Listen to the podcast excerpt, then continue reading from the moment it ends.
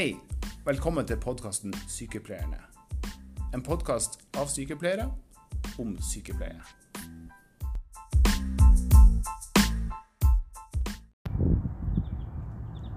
I denne episoden skal vi høre om hvorfor det er viktig med beredskap, og om Øvelse Nord, som er en stor tverretatlig kriseøvelse som er drevet av Nord universitet. Eh, og vi har med oss i dag eh, leder for Øvelse Nord, han Erlend Hagenes. Velkommen. Takk, takk. Og du har jo eh, drøssevis med erfaring innenfor både eh, universitet og intensivsykepleiere er du i bunnen. Eh, kan du si litt mer om deg sjøl? Er det noe vi burde vite? Ja, eh, jeg har jo stort sett jobba med beredskap hele livet. Fra eh, som ganske ung i frivillige organisasjoner. Eh, så tok jeg veien inn i helsevesenet, først som ambulansearbeider, og deretter sykepleier og spesialsykepleier. Sånn at eh, i stor grad så har jeg brukt livet mitt eh, innenfor beredskapsfeltet. Det høres jo veldig spennende ut. Um, og det jeg tenker på når jeg, jeg hører om beredskap, det er jo kanskje to aspekter med det. Jeg jobber jo sjøl som intensivsykepleier, og når jeg er på jobb, så tenker jeg jo også på beredskap. Men det er kanskje mer for meg sjøl og situasjonen jeg er i og mine medkollegaer. Ja, eh, beredskap kan jo gjerne ses på som eh, noe du sjøl utøver som en del av den daglige jobben din, eller at du er et del, en del av et større system. Eh, hvor du har ansvaret for eh, litt mer sånne vidtrekkende perspektiver. Eh, vi definerer jo eh, beredskap eh, på mange ulike måter, men et eh, ganske sånn sammenfallende ord i beredskap er jo rett og slett det å være forberedt. Og det er jo litt gøy at du syns beredskap høres spennende ut. Ikke så lenge siden jeg hadde et eh, foredrag for noen studenter. Og eh, etter jeg var ferdig, så var første spørsmål eh, fra studenten Hanna gikk opp, og så sier hun Herregud, hvordan klarer du å jobbe med noe som er så kjedelig? Det var, det var et ganske fri, friskt innspill, og, og, da måtte jeg jo nettopp sette navn på det her at eh, beredskap er jo noe som eh, utfordrer deg på ting som ennå ikke har skjedd, men at du skal være klar eh, i det øyeblikk eh, det skjer noe uventa. Mm. Og det er jo, høres ut som det er veldig mye planlegging innenfor beredskap, som du nettopp sier. Vi skal være forberedt. Ja, eh, du skal være forberedt. Eh, det var jo en av de store greske filosofene, eh, Aristoteles. Han eh, eh, sa at vi må være forberedt på at noe helt utenkelig vil snart skje. Eh, og det gjelder jo både for oss som enkeltpersoner i det private, kanskje, men også i jobbsammenheng og i Eh, som helsearbeider så tenker jo jeg at man har et ansvar, eh, både knytta opp til helsepersonelloven og i den yrkesetikken man skal følge. Eh, at du skal være forberedt på det som kan måtte skje. Mm. Hvorfor er det egentlig viktig å tenke på beredskap som sykepleier? Som sykepleier så har du ansvaret både for pasienten din og for den institusjonen eh, du eh, jobber på og ved. Og så har du muligheten eh, som sykepleier Vi er jo en av de yrkesgruppene i landet som høster aller høyest tillit i befolkninga. Så har man jo muligheten til å påvirke sitt eget system på litt fremoverlent måte. Hvis man ser litt på pandemikrisen og eh, koronakommisjonen som kom med rapporten sin for ei uke siden, så er det jo helt eh, åpenbare svakheter som er blitt avslørt, som også eh, faller inn under sykepleierne sitt ansvarsområde. Og Det går både på eh, kunnskap, eh, hvordan håndtere pandemi, og det gikk ikke minst på tilgjengeligheten på smittevernutstyr. Eh, alt det her er jo forhold som sykepleierne kan påvirke mm. på eh, sin måte gjennom det, det daglige virket i jobben sin.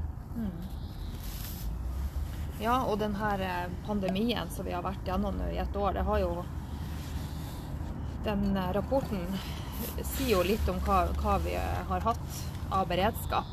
Eh, Og det er jo viktig å evaluere og, og tenke hva, hva kan vi gjøre fremover for å få enda bedre beredskap når det gjelder pandemi. Ja, eh, jeg, jeg vil vel ikke se på pandemi isolert sett, men eh, på eh, beredskapen totalt i sykehus. Eh, det handler både om å være opplært og, og det å kunne jobben sin, men samtidig det som kjennetegner en krise, det er jo at det som skjer, skjer i veldig stor skala. Man har ikke tilstrekkelig ressurstilgang i, i det hverdagslige, verken på folk eller materiell eh, eller bygningsmasse, til å møte det som rammer deg. Eh, Og da må man være forberedt. Og man kan være forberedt på mange vis. Det ene er jo å ha et kriseplanverk. Altså ei, ei tørr, tør, kjedelig bok som ikke skal stå i bokhylla eller nedstøva i dokkmappen, men, men det skal være et dokument som du kjenner, eh, og som vet, du vet hvordan du skal finne frem i. Eh, Nå er det jo dessverre sånn at enkelte sykehus de, de har jo unntatt eh, sine eh, kriseberedskapsplaner offentlighet. Eh, jeg vil håpe at f.eks. Nordlandssykehuset ikke eh, tenker sånn. Eh, at heller de ansatte og sykepleierne spesielt skal være pådriveren for at det her er kjent kunnskap i systemet. Veldig viktig det du sier. Eh, Men hva er det egentlig når det gjelder Øvelse Nord, da, så har jo det vært en øvelse som har vært i mange år. Kan du si litt om starten og hvordan, hva som er i dag i Øvelse Nord? Ja, gjerne det. Eh, Øvelse Nord begynte på midten av 90-tallet. Da var det noen eh, våkne eh, fagfolk i miljøet rundt politiutdanninga, journalistutdanninga og sykepleierutdanninga som fant ut at vi, vi må jo la studentene øve og trene seg på den yrkesrollen som møter dem den dagen de er ferdig studert. Og da lager man et skadested, eh, gjerne en bilkollisjon. Og så fikk politiet trene på skadestedsledelse. Helsearbeiderne fikk være førstehjelpere og ambulansepersonell. Eh, og journalistene eh, dekka det hele sånn som journalister skulle gjøre. Um, denne øvelsen var jo utelukkende for studentene. Men eh, av og til så trengte man hjelp av nødetatene for å lage skadestedet. Og, nødetatene syntes jo det her var ganske lurt eh, som en opplæringsplattform. At man møttes på den måten. Sånn at eh, nødetatene spurte pent om å få lov å være med. Eh, siden den gang så har jo det her blitt en snøball som har rulla seg veldig, veldig stor. Mm. vi tenkte jo da, etter at øvelsen hadde gått en ti års tid, at eh, det er jo for galt å samle så mye folk uten at eh, vi gir dem noe faglig lærdom og noen inputs underveis. Så det vi gjorde da, det var at vi Eh, vi, vi, hadde kroner null å rutte med, men vi gikk til universitetsledelsen og ba pent om et driftsbudsjett eh, på øvelsen. Eh, det fikk vi, og så brukte vi alle de pengene det første året på å leie inn han Mats Gilbert. Så kom han en halv dag til Bodø og holdt foredrag eh, knytta til eh, både akuttmedisin og beredskap og skadestedsledelse for oss. Og eh, det var startskudd, startskuddet på det som i dag kalles fagdagene. Eh, som er to fulle dager hvor vi samler personell eh, til faglige foredrag. Og da har vi eh, forelesere i, i, nasjonal klasse eh, som eh, vi får veldig gode tilbakemeldinger på. Videre så har vi jo bygd ut etter hvert de her fagdagene til andre underseminar for aktuelle yrkesgrupper. Vi har hatt nasjonalt beredskapsforum for havbruket lang tid under planlegging. Det skal vi for første gang lansere i år. Vi skal ha et fagforum for frivillige organisasjoner innenfor redningstjenesten. Altså Røde Kors, Norsk Folkehjelp, Lavinehundene, Flyklubben, den type organisasjoner.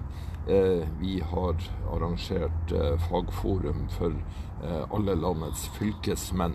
Så det har vært ei knoppskyting under denne fagdagsparaplyen som har overraska oss litt. Og det har jo vært veldig gøy å, å, å, lage det her, fordi at vi opplever jo at vi høster interesse over hele landet.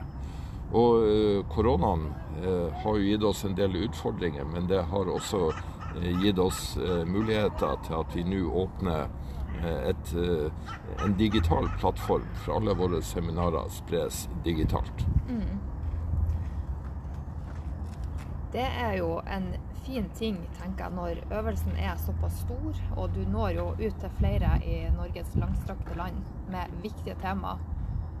Ja, så øvelsen er jo ikke lenger bare en type operativ øvelse med, med politi, brann, helse og blålys og helikopter i lufta. Vi spiller jo faktisk denne øvelsen helt nede fra skadestedet, hvor eh, studentene får anledning til å legge eh, trykkbandasje og, og eh, yte livreddende førstehjelp. Så spiller vi den opp gjennom samfunnssystemene i Norge. Eh, vi har to til tre deltakende kommuner hvert år, hvor kommunene setter krisestab eh, av hensyn til eh, de pårørende. Vi har fylkesberedskapsrådet som automatisk trer inn. Øvelsen spilles også opp gjennom departementene i både Kunnskapsdepartementet og Justisdepartementet. Og på toppen av kjeden så sitter regjeringens krisestøtteenhet, som på en måte styrer de store linjene i innsatsen. Det som vi er veldig eh, spent på i år, da, nå eh, ca. Eh, rett før eh, startskuddet går, er at vi har fått en ny aktør inn. Eh, og det er Utenriksdepartementet. Eh, Utenriksdepartementet har en døgnbemanna operasjonssentral som skal ivareta nordmenns eh, sikkerhet og ve og vel i utlandet.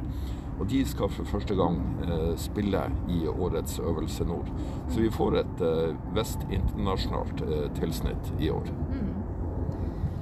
Hvordan er det for de som ønsker å delta på de fagdagene? Er det bare å gå inn og melde seg på på en link, eller? Ja. Fagdagene de er i år digitalt åpent. Eh, de distribueres på en Vimeo-link. Og eh, linken der eh, finner du på vårt fagdagsprogram, som er spredd både på Facebook og hos de fleste arbeidsgivere innenfor beredskap. Og vi har fått litt ekstra midler, sånn at vi eh, slipper å presentere det her sånn eh, type Teams eller Zoom-format. Eh, vi får det produsert som ei TV-sending. Mm. Så det gleder vi oss veldig til. Mm. Det høres jo veldig spennende ut. Så det, vi bare oppfordrer alle til å, å sjekke ut Facebook-sida Øvelse Nord 21 og melde seg på for å følge med på fagdagene. Jeg tenker jo for sykepleiere som jobber uansett hvor, i kommunen eller spesialisthelsetjenesten, så er det jo alltid noe interessant å få med seg på programmet. Og det er jo litt det å tenke, tenke beredskap, hvordan er det for den enkelte, hvordan er det for samfunnet? Få litt mer kunnskap om det. Det er jo absolutt å anbefale. Ja, altså, jeg tenker jo at eh, alle yrkesgrupper eh, har noe her å hente. Og eh, beredskapstenkninga hos sykepleiere, den, den ligger implisitt i oss. Men det kan jo være eh, både nødvendig og, og, og, veldig hyggelig med litt faglig påfyll. Mm. Så Eh, I programmet så kan man jo gjerne gå inn og, og blinke ut eh, eh, noen av foredragene, eller gjerne alle foredragene. hvert foredrag er på fra 30 minutter opp til 1 12 time. Så da kan man jo bruke det som en meny å mm. velge fra. Noen av høydepunktene i år eh, vil være eh, historien om Gjerdrum-raset. Mm. Da har vi fått eh, innsatslederen fra Gjerdrum, eh, Roger Pettersen, eh, som var meget synlig de første døgnene eh, etter rasene i media. Eh, som skal fortelle oss historien, hva som skjedde på Gjerdrum, og hvordan krisen ble håndtert.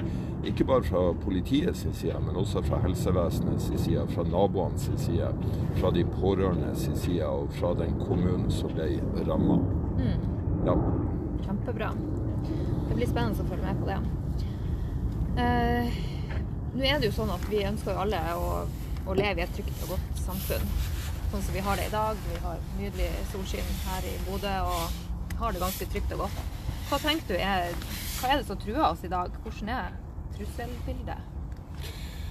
Eh, trusselbildet kan vel sammenfattes med at vi, bli, vi vil bli overraska over eh, det neste som skjer. Eh, kan jo eh, i Øls Nord-sammenheng eh, holdt på å si dessverre se på en del av de scenarioene vi har spilt opp gjennom årene. Eh, det er jo blitt sånn at de scenarioene har dessverre blitt til virkelighet. Eh, og det eh, eh, Risikoen og sårbarheten i samfunnet er så til de grader eh, stigende at man må jo være forberedt på at alt kan skje. Altså Begrepet terror i Norge er ikke lenger fremmed. Eh, og vi har pågående trusselsituasjoner mot Norge hele tida som myndighetene håndterer og som regel klarer å stagge. Eh, du har store utfordringer innenfor samferdselssida. Eh, I eh, 2019 så gikk eh, Viking Sky nesten på grunn eh, med mange hundre mennesker om bord. De kunne ha eh, blitt en hendelse på størrelse opp mot Titanic hvis eh, det der ikke hadde blitt håndtert på den måten det gjorde akkurat i siste liten. Og ja, underlig nok, noen eh, uker etter eh, så hadde du passasjerferga mellom Bodø og Moskenes. Den eh, hadde motorhavari og, og lå og dreiv i Vestfjorden med røykutvikling om bord. Eh, Da var det heldigvis godt vær, og den situasjonen endte bra. Men det er en sånn type scenario vi har øva på i Øvelse Nord. Men eh, samfunnet prøver jo å systematisere eh, sårbarheten vår eh, gjennom såkalte ROS-analyser. ROS, risiko- og sårbarhetsanalyser. Eh, da prøver man å måle hvor eh, farlig er det vi frykter skal skje, og hvor stor grad av sannsynlighet er det for at det farlige inntreffer. Så ut ifra det så putter man det rett og slett bare inn i ei matrise. Um, og så prøver man også å øve på de punktene i mat matrisen som ser mest uh, skummelt ut. Uh, det som er tankevekkende, det er at eh, det man frykter mest i alle norske risiko- og sårbarhetsanalyser, det var nettopp pandemi. Men det var så omfattende å trene og øve på pandemi at det var ingen som gjorde det. Og Derfor sto vi eh, relativt uforberedt i februar-mars 2020 eh, når det her begynte å, å rulle inn over oss. Og eh, det kom jo til syne en masse ting som ikke var på stell. Altså Sykehusene hadde ikke utstyrslager og materiellkapasitet god nok. Eh, Nor Norge hadde en mangel på respiratorer som eh, gjorde det nesten pinlig eh, når de fant opp i full fart sånne Petter Smart-løsninger av eh, noen respiratorer som eh, heldigvis ikke har vært nødt til å, å ta i bruk enda. Ja. Det er kjempeviktig, det der. Og vi har jo tilpassa oss med å stenge ned eh, store deler av byer og, landet i, et års tid for å unngå en, en topp og ei krise i helsevesenet. Men eh, for å oppsummere litt, da. eh, Beredskap. Jeg tenker jo det er viktig med samarbeid, kommunikasjon, at det er et system og det er planlegging av scenarioer innad i de ulike etatene og mellom ulike etater. Har du noen sånn siste kommentarer som er viktig å, å ha med seg her? Ja, eh, politi, brann, helse og alle andre enheter i offentlig forvaltning eh, må ikke bare bli flinkere på å øve, men de må bli flinkere på å øve sammen. Um, konklusjonen i Gjørv-kommisjonen sin rapport, det var de som oppsummerte 22.07, det var at innsatsen, innsatsen i etatene eh, hver for seg var ganske bra. Men eh, etatene var veldig uvant med å operere sammen. Det var både ute på skadestedet og det var i etterarbeidet etter 22.07. Så eh, hadde ikke etatene eh, god nok kjennskap til hverandre. Eh, verken hverandres ansvarsområder eller eh, ressurser. Og det gjorde løsninga 22.07 ikke så optimal som den burde ha vært. Så mer samarbeid utover etatene Ja, Ja, sam samarbeid i fredstid eh, gjør oss mye sterkere og bedre rusta når det smeller. Ja, og jeg tenker jo det du gjør sammen, det er jo det du ikke har evne eller kapasitet til å gjøre alene. Du, du får ikke til nok sjøl, men du, sammen så får vi til ganske mye. Sammen så får du til utrolig mye. Og der må jeg jo skryte av alle samarbeidspartnerne til Øvelse Nord. For det universitetet gjør med å arrangere Øvelse Nord, det er jo egentlig i overført betydning å bare sette opp en teaterscene. Mens skuespillerne er politi, brann, helse, kommuner og andre aktører som går inn og, og spiller sammen med hverandre. Og, og det her samvirket som etterlyses, eh, det tør jeg jo påstå at eh, Øvelse Nord har eh, klart å dyrke frem. Gjennom 26 år nå så har de fått etatene til å øve eh, tett og sammen på et skadested. Mm. sånn Det er jo viktig for alle som bor i, i Norge og i verden, det her med trygghet. Skal ha det trygt og godt. Hva tenker du om det?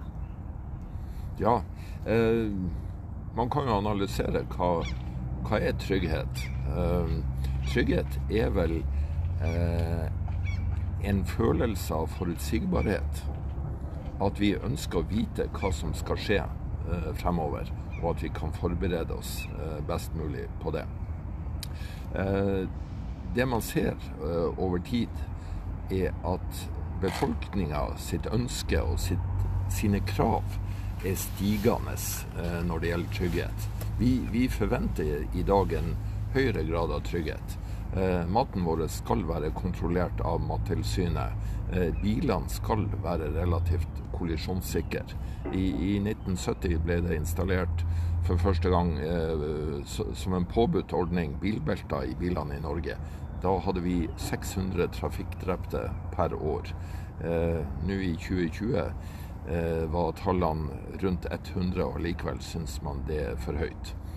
Um, vi prøver jo i Øvelse Nord å sette en del fokus eh, på ikke bare hva systemene kan gjøre, men også hva enkeltindividet eh, kan gjøre.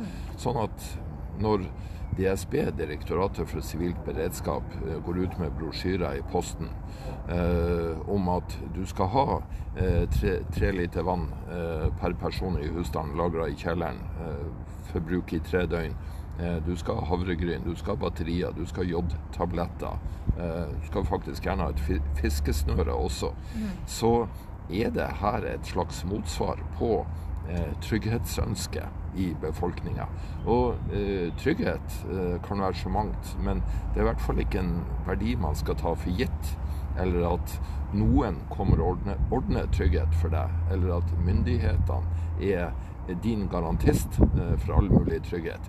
Eh, Jeg tror folk eh, må ta et individuelt og personlig ansvar eh, både for sin egen trygghet og de du har rundt deg i det daglige. At de skal være trygge. Veldig bra. Da skal jeg snart gå hjem og så fylle opp eh, noen liter med vann i, i kjelleren min. Eh, Gjør det. Da vil jeg bare si tusen takk for at du tok deg tida til å være med på denne podkasten. Og um, ønske deg lykke til med øvelsen i uka som kommer etter denne. Det blir veldig spennende. Takk, takk.